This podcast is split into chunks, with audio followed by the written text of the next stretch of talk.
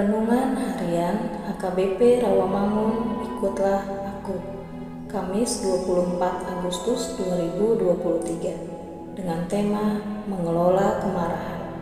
Bacaan kita pada pagi ini tertulis dalam Injil Markus pasal 9 ayat 30 sampai dengan 37 Bacaan kita pada malam ini tertulis dalam 2 Petrus pasal 3 ayat 13 sampai dengan 16. Dan kebenaran firman Tuhan yang menjadi ayat renungan kita hari ini terambil dalam Efesus pasal 4 ayat 26 yang berbunyi, Apabila kamu menjadi marah, janganlah kamu berbuat dosa.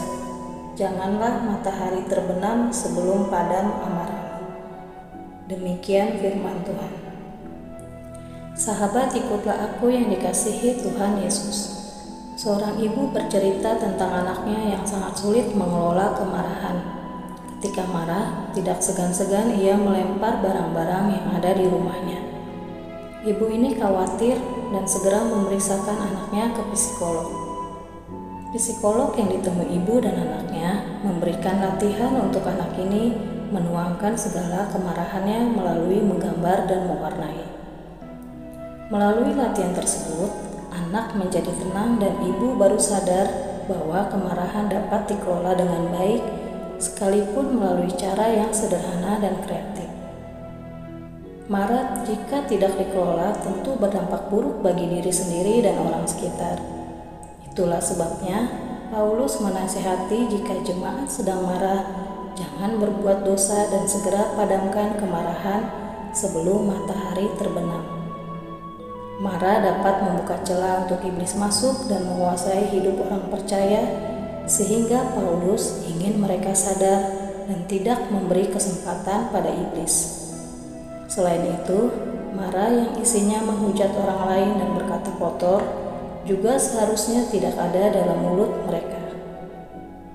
Paulus ingin jemaatnya memiliki perkataan yang membangun, membuang segala kepahitan, kegeraman, marah, pertikaian, dan fitnah.